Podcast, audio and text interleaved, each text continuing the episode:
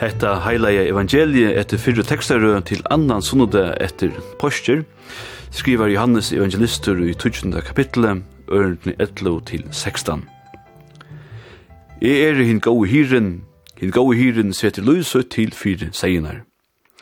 Leiesveinren som ikkje er hyre og som ikkje eier seinar, ser ulven koma og fer fra seinon og rymer, og ulven renner teir og spjeier teir sundur, og Jeg tror at han er leiesveiner, og han ønsker lekker ui, sier. Jeg er hink av hyren, og jeg kjenner munar, og munar kjenner meg. Ein så jeg kjenner feiren, og feiren kjenner meg, og jeg setter løy mot til for seier. Jeg har vi eisne æra seier, som ikkje høyre opp i hetta fylgje, eisne teir ei er leia, og teir skulle høyre restmøyna, og det skal være eit seier fylgje, ein hyre. Torsdagen er flaggdavur, men hever davren 25. april fra gamla er tui, eisne vire kallavur Marskus er messa til minnes om evangelisten Marskus, og hever finnje heiren er at hava skriva til hava halda vire til eldsta evangeliet i Nudja testamentet. Ta fyra evangelistaner i Nutja testamentet hava allir kvar sina uimynd som sigast er at symbolisera taralinte etla ischje. Matteus er menneskjan, Markus er som leivan, Lukas er som oksen og Johannes som ørnen. Og kanskje er det tog at evangeliet etter Johannes bryter fra og som mengan hott. Ja, kanskje er meira arna flå ivetøy. De tru fyrstu evangeliene vera kalla de synoptisku evangeliene. Det vil sige at de kunne i stora mun samarberast, de kunne lesast synoptist. Johannes evangelie er meira eie, og det samme kan sigast om pratikoteksten hesafer som vi bæra finna tja Johannes. Hesun evangelien her Jesus ofta sier i ere. I ere lusens brei, i ere ljós, i ere dittnar, i ere hin gau i hyren. Hese eru grundsymbol som uimynda felags menneska liar røyntir og vantanir, som kunne brukast allar tøyir. Summe vilja vera vi at hese i ere heite skulle gjere opp vi tei sibundno messias heitene som tan vanta i messias tja jötnon ofta fekk. Heta kunde vera konkur, Guds sonur, Israels messias og så framvegis. Ikki tøy, Johannes letur lesaran langt fra byrjan, vita om hese sibundno heite. Men han kjemur kjøtt til tei Nutjaro, her Jesus sigur i myndun kvært han er, med landa ljose, dittnar og tlan hirin.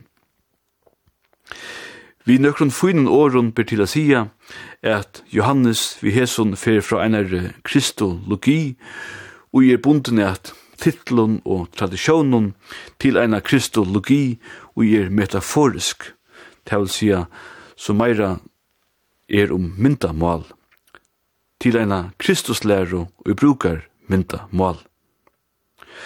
Longu ui nøy testamentligar tøy kunde myndina hyrun etla seiamunnun vera romantisera, kunne vi sia. Te kjente jo David, og ikke minst 23. solm, Herren er hyremuren, ongan sakn i kjenne.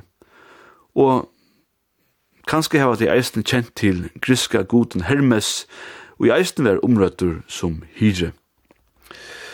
Men ui røynt og veru vår heser hyrar setter niast av de sosiala tiknar stianon, saman vi falskje og fingust vi esel og kamelar.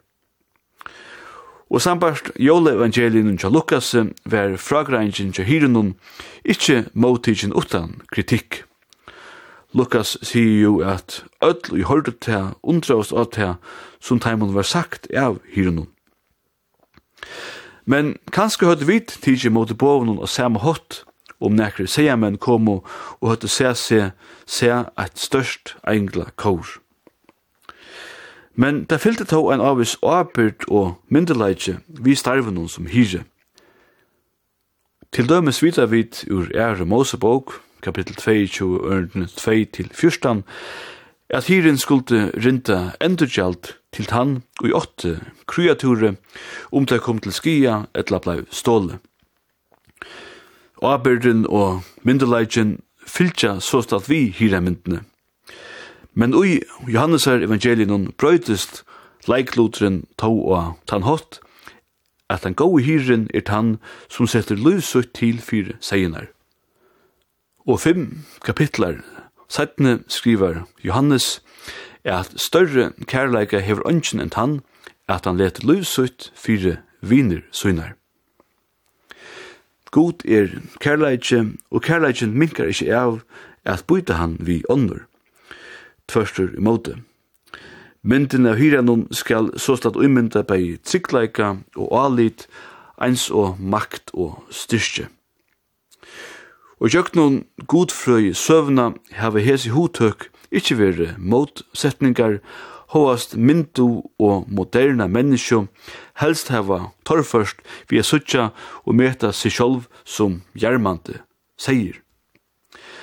Men til dømes vildet han tuske godfrøyngren Friedrich Schleiermacher og levde fra åren 1608 til 1834 vera vi, er at tryggvinn og ærere sugene er ein avendelig kjensla av at vera bunden og av hinnare sugene ein langsel etter fralse og myndeleika.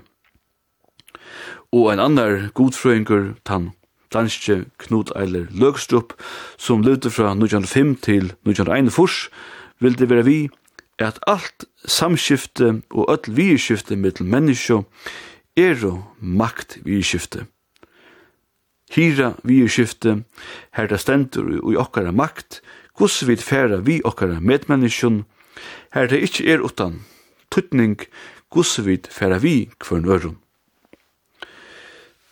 Men i morgen høyra vi i prædikoteksten at hiren er gaur, og at han setter lusut til fyr seinar. Men det er helst som ein prestur enn er forvaltig at enda enn er prædiko om teksten til morgen, at om hyren er gaur, er alt godt. Og i kristendommen kjem det vi kvars fire at alt vil vent og høtte. Det er som Grundtvig gamle sier at i okkara tilveru er det såleis at okkara domare hever langt først sæsna fyrir okkun.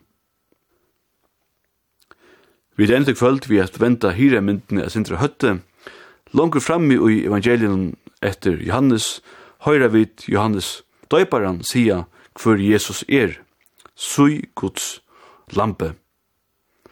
Atter høyra vid myndatalo, hesa fyr er det hyren som er umrøtter som lampe, og skal slaktast fyrir at bjarga heimenon. Guds lamp eitir og latuine Agnus Dei. Hette hever mengan give listafölkje, uiblåstur, bægi ui målningalist og i tonlist. Vi høyra Sarah Brightman sinja Pie Jesu etter Andrew Lloyd Webber her Agnus Dei etla Guds lampe eisne verur umrøtt. Gåan, sunnu det.